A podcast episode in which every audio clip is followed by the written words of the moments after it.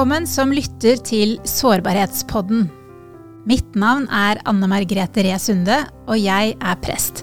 Sammen med ulike gjester ønsker jeg å ta opp temaer om sårbarhet, tro og livsmestring. I denne sesongen har jeg invitert med tidligere biskop Per Arne Dahl. Han er forfatter og foredragsholder, og har skrevet boken 'Sårbarhetens kraft'. Jeg har også invitert med ulike gjester i 20-, 30- og 40-årene og sammen skal vi snakke om det sårbare i livet. Jeg håper disse samtalene kan bety noe meningsfylt for deg. Velkommen som gjest i eh, denne podkasten, Ine-Linn. Du er studentprest ved VID vitenskapelig høgskole i Stavanger. Og du er en viktig medvandrer for unge voksne som studerer. Så du kjenner jo godt til hva som rører seg blant de, og jeg er veldig glad for at du vil være med og snakke med Per Arne og meg om eh, sårbarhet i den fasen av livet. Men før vi eh, snakker mer om det, så har jeg lyst til å stille deg fem kjappe spørsmål som du må svare på før vi kan bli litt mer kjent. Ja. Velger du sjokoladeplate eller smågodt? Sjokolade. Vegetar eller glutenfritt? Eh, Glutenfritt. Slalåm eller snowboard? Slalåm. OL eller Hurtigruten minutt for minutt? OL. Bryllup eller begravelse? Begravelse. Det er bra. Vil du fortelle litt om deg selv, Ine-Linn? Hvem du er og interesser, alder? Ja, Ine Linn Martinsen. Og tenk, nå blir jeg snart 41 år. Det går jo fort. Ja, jeg er gift og har tre barn. Og jeg bor på et lite småbruk ut forbi Stavanger med familien. Så der har vi sauer. Så nå venter vi 69 små.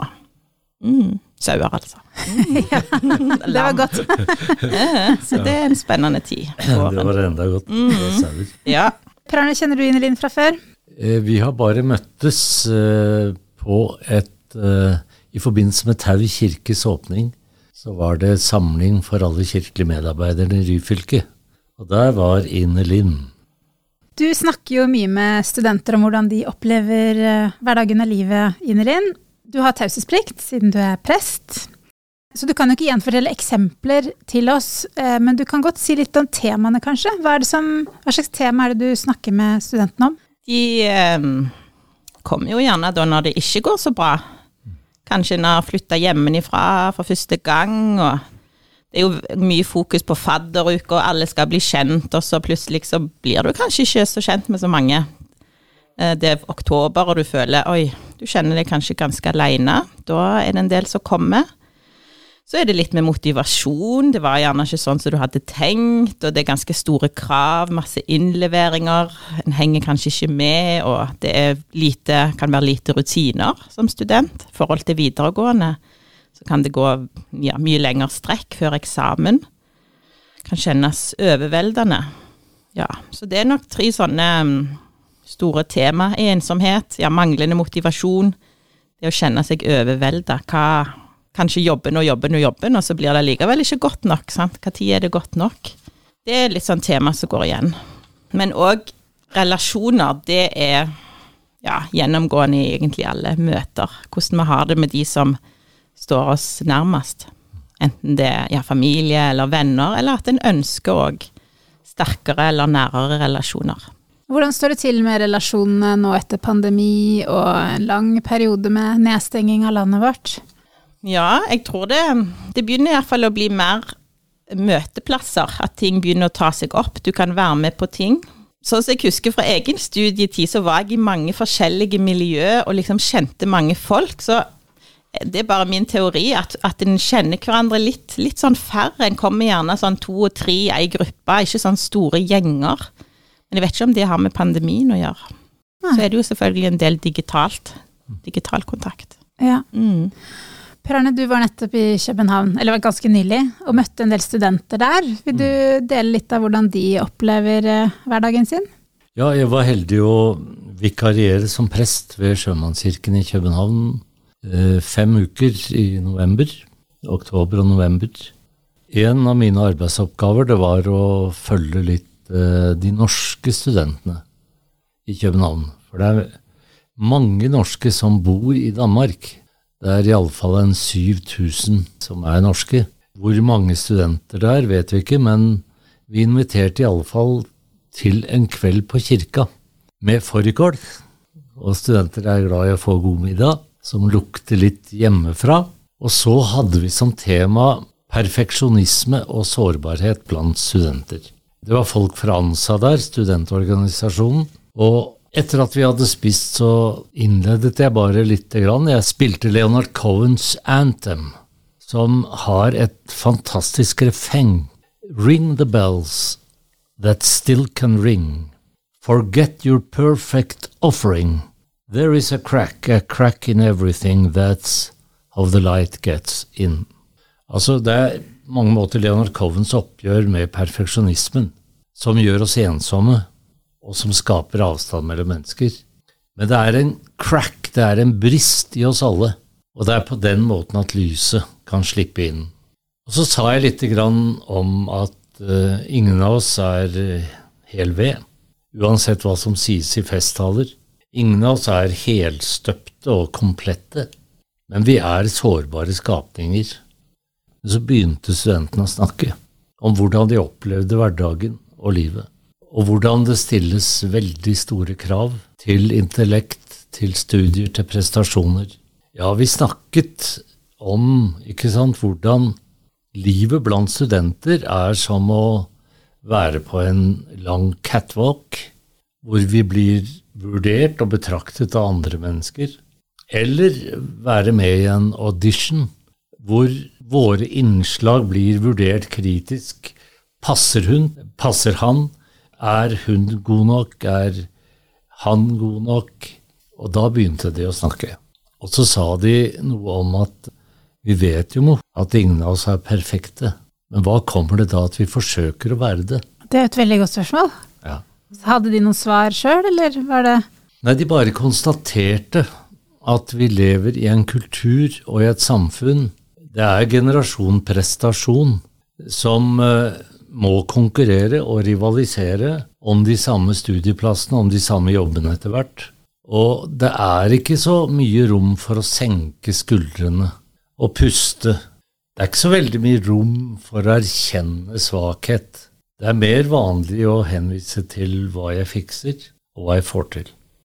Alle vi tre er jo i møte med unge mennesker og lytter til den sårbarheten. Jeg har jobbet fem år med unge voksne i Stavanger da, og det gjør veldig mye inntrykk på meg å høre disse fortellingene og, og ta inn over seg egentlig den smerten som mange bærer på, og sårbarheten. Men eh, kanskje vi kan snakke litt om noen gode måter å komme seg videre på. Hvis vi snakker litt ut fra at folk eller unge voksne har erkjent da, at dette var ikke så lett som jeg trodde, eller her var det en krasjlanding et eller annet sted i verden. Ting eh, går ikke etter planen. Jeg har behov for hjelp. Hvordan kan vi, hvordan kan vi møte den eh, opplevelsen sammen? Det er jo fint om en møter på noen som kan sette ord på det. Ja, det er ingen som fikser alt, og det er helt greit å være sånn gjennomsnittlig. Eh, men det er jo litt det ekstra presset når alt skal ut på sosiale medier. På en måte det forsterker det sånn.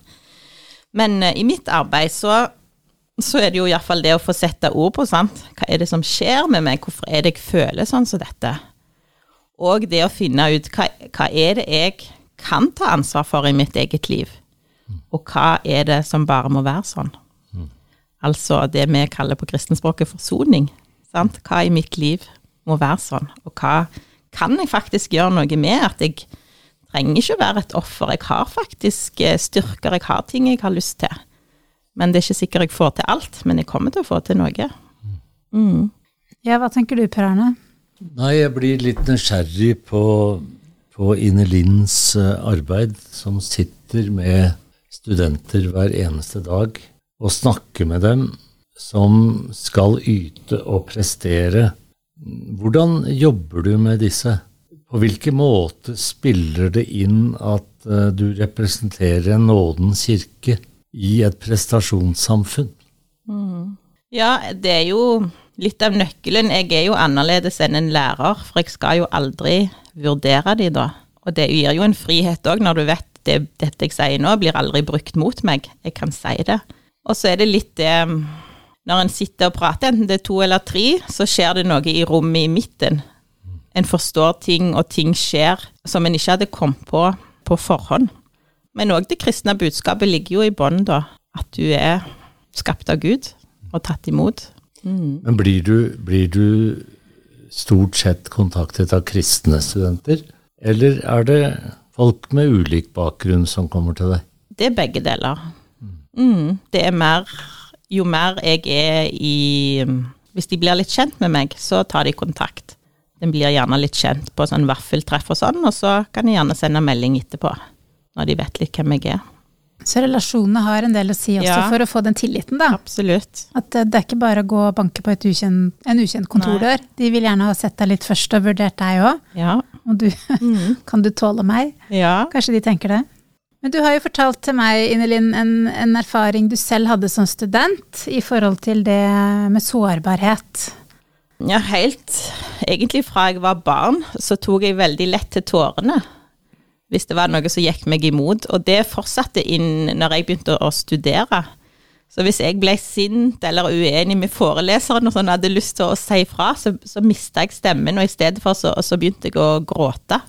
Mm, så det måtte jeg jobbe med, og det gjorde jeg hos min studentprest. Og at hun sa jeg tror du er sint, vi må finne fram sinne, kraften i sinnet. For jeg kom til å gråte nok uansett, men det var ikke det jeg skulle gjøre i de diskusjonene. Da, da måtte jeg på en måte rette ryggen og ja, finne kraften. Så det ble på en måte ja, en ting jeg jobba mye med. At en får sagt det en vil si òg. Fikk du hjelp? Jeg fikk hjelp, ja. Hvordan, hvordan skjedde det? Jeg studerte jo teologi på MF, og gikk til min studentprest der. Så det, dette temaet jobba vi med over flere år. Og jeg hadde sånn jeg skulle øve meg og ta ordet, sa de. Jeg måtte ta ordet minst én gang per forelesning. Skulle ja, liksom øve meg. Ja. Så gikk det liksom Jeg kan jo gråte ennå, men ikke sånn Jeg kan kontrollere det mer, at det ikke kommer hele tida.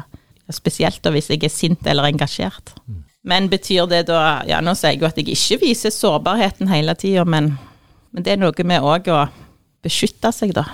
Men er ikke det litt av det vi skal lære, da, når vi er unge voksne, og en del av kanskje modningen, mm. eller dannelsen som menneske, å finne ut av alt dette som skjer, ikke sant? At uh, hvem er jeg i dette, hva slags uttrykk er det som er typisk meg, og så få litt hjelp til å navigere i, i, i å finne sin stemme, da. Det er jo kjempeviktig hvis man klarer å hjelpe unge voksne å finne sin stemme. Det er det jo mange som bruker mange år mm. på å finne. Det er en kjemperessurs hvis man lærer det allerede som student, tenker jeg. For når man begynner å jobbe og kommer ut i arbeidslivet, så er det jo veldig forventet at man skal ytre meningen og si bruke stemmen sin. Mm. Jeg spurte studentene i København eh, hva er deres sårbarhet. Og da var det to, særlig to svar. Det ene var det vi har snakket om. Det var at jeg aldri på en måte kan hvile i at jeg er god nok, flink nok, dyktig nok men det andre som nok flest var opptatt av, som en smerte og en sorg ved å være norsk student i København, det var ensomheten. Vi skiller jo mellom en alenehet som kan være god, som er selvvalgt, og en ensomhet som er vond, fordi det er ikke ønsket fra oss, og det er ikke villet, men vi blir bare alene i en stor setting. Hvordan eh, hvordan opplever du det som studentprest, og hvordan jobber du med det? Ja, ensomhet. Eh, en definisjon på det kan jo være mangel på tilhørighet. At, at en kjenner en hører ikke til noen plass. At det er ingen som ser meg, eller føler meg ikke forstått. Og det er jo en følelse som er veldig normal, eh, som vi kan ha gjennom hele livet. Ja, så hvordan jobber jeg med det? Jeg eh, jobber iallfall med det som studentprest. Jeg har jo samtaler på kontoret og da er det jo ja, at en lytter seg veldig inn hvordan den andre har det, og at en er sammen om ja, hvordan er livet for deg akkurat nå. Men så er det jo òg bare det når en er ja, ute på campus og går, at en er påskrudd fordi en møter. At det er veldig fine møter som kan oppstå der og da. Og sånn er det litt sånn, ikke bare når jeg er på jobb, men i hele livet, egentlig. At vi kan få fine møter hvis vi er liksom påskrudd overfor hverandre, da. Og så tenker jeg sånn ensomhet.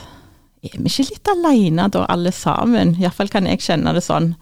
At en er litt sånn aleine i møte med det store i verden.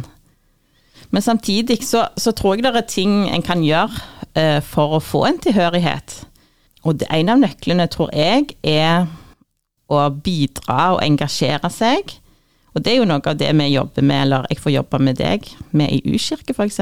At en får små oppgaver, eller ja, kanskje tenne lyset de første gangene. Etter hvert så, så kan en lage middag til 30-40 stykk. Og kanskje da kan det gi en tilhørighet etter hvert. sant? Jeg hører til her, jeg bidrar. Jeg er ikke bare en gjest, sant. Jeg er for å være med og være et vertskap. Ja, og det har vi jo sett ganske mange fortellinger om i U-kirke i løpet av de fem årene vi har hatt Mat og prat, da, som er torsdagsmiddagen for eh, unge voksne studenter. Der, der har jeg sett eh, folk komme inn fra å være helt sånn nybegynner på matlaging, til å etter hvert mestre, som du sier, alt som tilhører det å være vert og være gjestfri. Og bygge opp på en måte eh, et stort fellesskap, da. Så det har vært veldig fint. Mm. Og at det å, å gjøre noe det gjør òg noe, kan gjøre noe med følelsene våre, tror jeg. At på en måte plutselig Jeg vet jeg kan ikke hvilken dag det var, men sånn Oi, jeg eh, hører til her. Selv om vi er forskjellige og, og alt sånn, så jeg hører til her. Jeg bidrar her. Så metoden blir på en måte å være med i et fellesskapsarbeid, da. Hvis man kjenner seg veldig ensom, så kan man si at kanskje den metoden vi bruker mest i Stavanger, både mm. som studentprest og i kirke, er å egentlig invitere unge voksne inn i et fellesskap og gi oppgaver og bli en del av frivilligheten. Og så kan man der få mange muligheter da, til å knytte bånd og knytte tilhørighet. Mm. Og det, sånn jobber jeg som studentprest òg, hvis jeg arrangerer noe. Det er jo mye gøyere òg å gjøre det sammen. Og så blir en jo kjent. sant? En står og steker vafler, en står og vasker opp en En blir jo kjent, og det, det gjør at en føler, eller ja, kan føle tilhørighet. Ikke kjenne seg så alene. Da en blir litt sånn kjent på ordentlig. Det er jo veldig trist, for vi vet jo at uh, ut fra SHoT-undersøkelsen så vet vi jo at veldig mange studenter både isolerer seg, uh, og etter pandemien har jo det blitt vanskeligere for mange, og som har fått litt vaner om å sitte mye hjemme. At det å komme seg ut er et stort steg. Og mange unge voksne etterlyser jo også rusfrie arenaer. At det er veldig mye av tilbudet for studenter uh, ja, er med alkohol, og det er jo ikke alle som ønsker å drikke alkohol, ikke bare pga. religiøse grunner, men av forskjellige grunner. Mm. Og jeg syns det er så fint med den fortellingen fra København, Per Arne, at, at, dere fikk invitert og møttes i kirka. Altså kirkerommet jeg er litt opptatt av. å jeg jobber jo U-kirke, vi er jo, holder til et eh, bedehus, så det ser ikke ut som en tradisjonell kirke, men mer som en hytte i byen med tre furuvegger.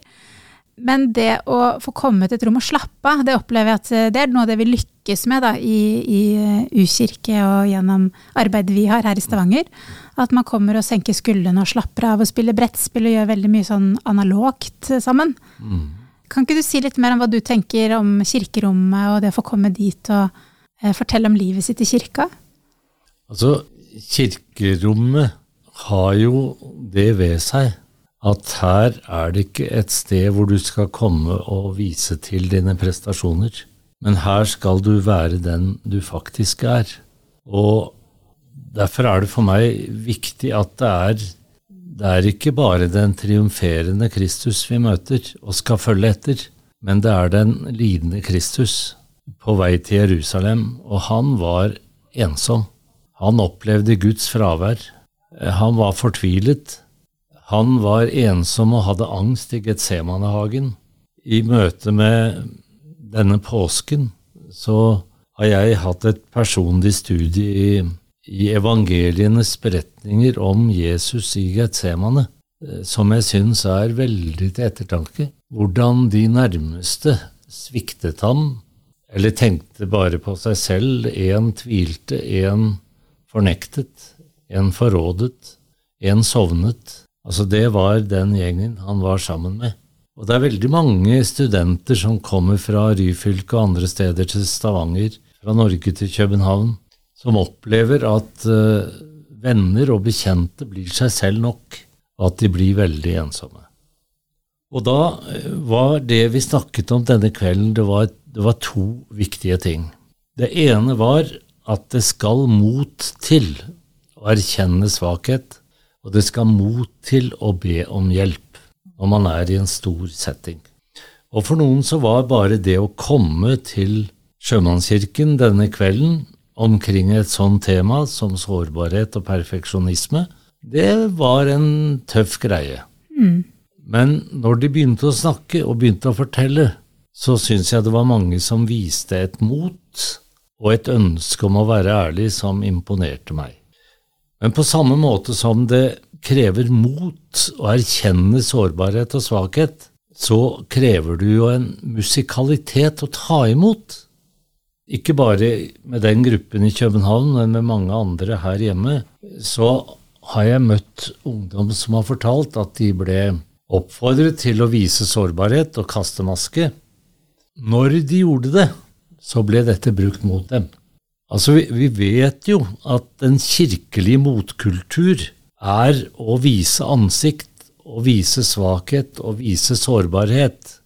Men det som er på en måte dilemmaet i det, da, det er at dette kan på den ene siden føre til vekst og frihet og frimodighet, men på den andre side vet vi at hvis vi er ærlige om vår sårbarhet, overfor mennesker som ikke fortjente å bli vist den tilliten, så kan det bli gjenstand Vi kan bli gjenstand for vår svakhet med sladder og med skravling og baktalelse.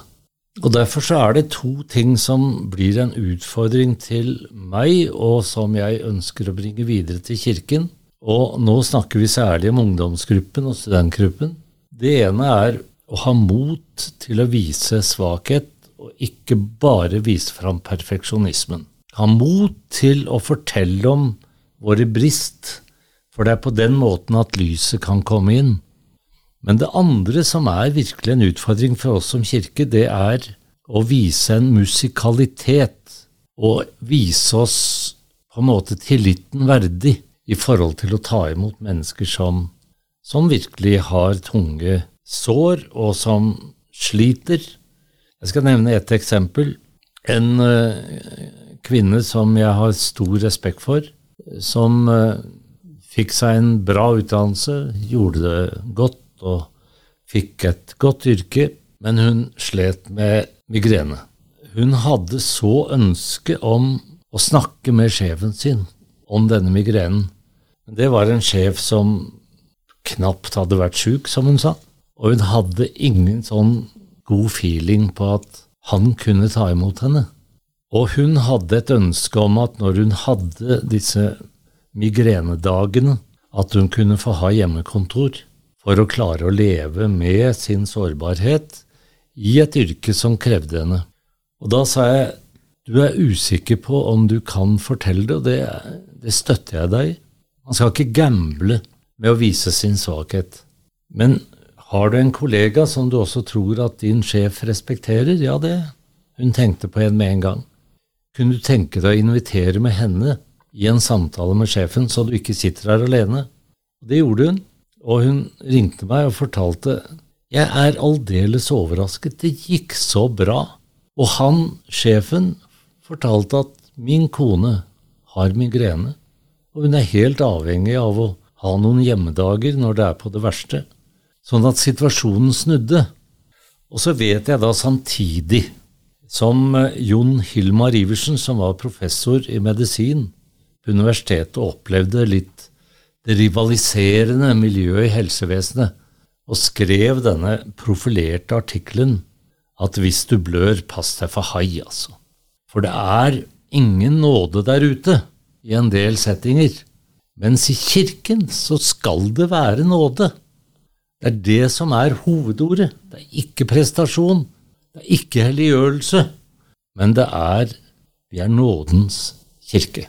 Ja, jeg er helt enig i den utfordringen. Og jeg er også helt enig i det du sier, at det er et litt sånn paradoks at også i kirka så kan man bli møtt med det motsatte av det man skulle ønske, og det man blir oppfordra til. Og det er veldig, veldig uheldig de gangene det skjer. Så jeg tenker eh, alle som lytter til denne podkasten og enten er unge voksne selv eller er i kontakt med unge voksne, vi må alle ta den utfordringen det er å skape de sunne, gode miljøene og åpne miljøene. Og la kirka være en, et sted å komme. For jeg, vi vet jo i kirka i dag at veldig få unge opplever kirka som relevant. Så man kommer jo aldri til kirka, for det, det er liksom ikke noe meningsfylt å gå i kirka. Men eh, jeg har tenkt eh, en del på det du har sagt, Per Arne, om eh, denne erfaringen i København. At det kan være et sånn eksempel for oss, til oppmuntring. På at når vi fyller kirkerommet med livet sånn som det er, og kan snakke ærlig om det og kan ta imot, da blir det jo fort veldig meningsfylt å oppsøke et sånt rom. Og det rommet tror jeg jo du, Inelin, er med å legge til rette til også på campus.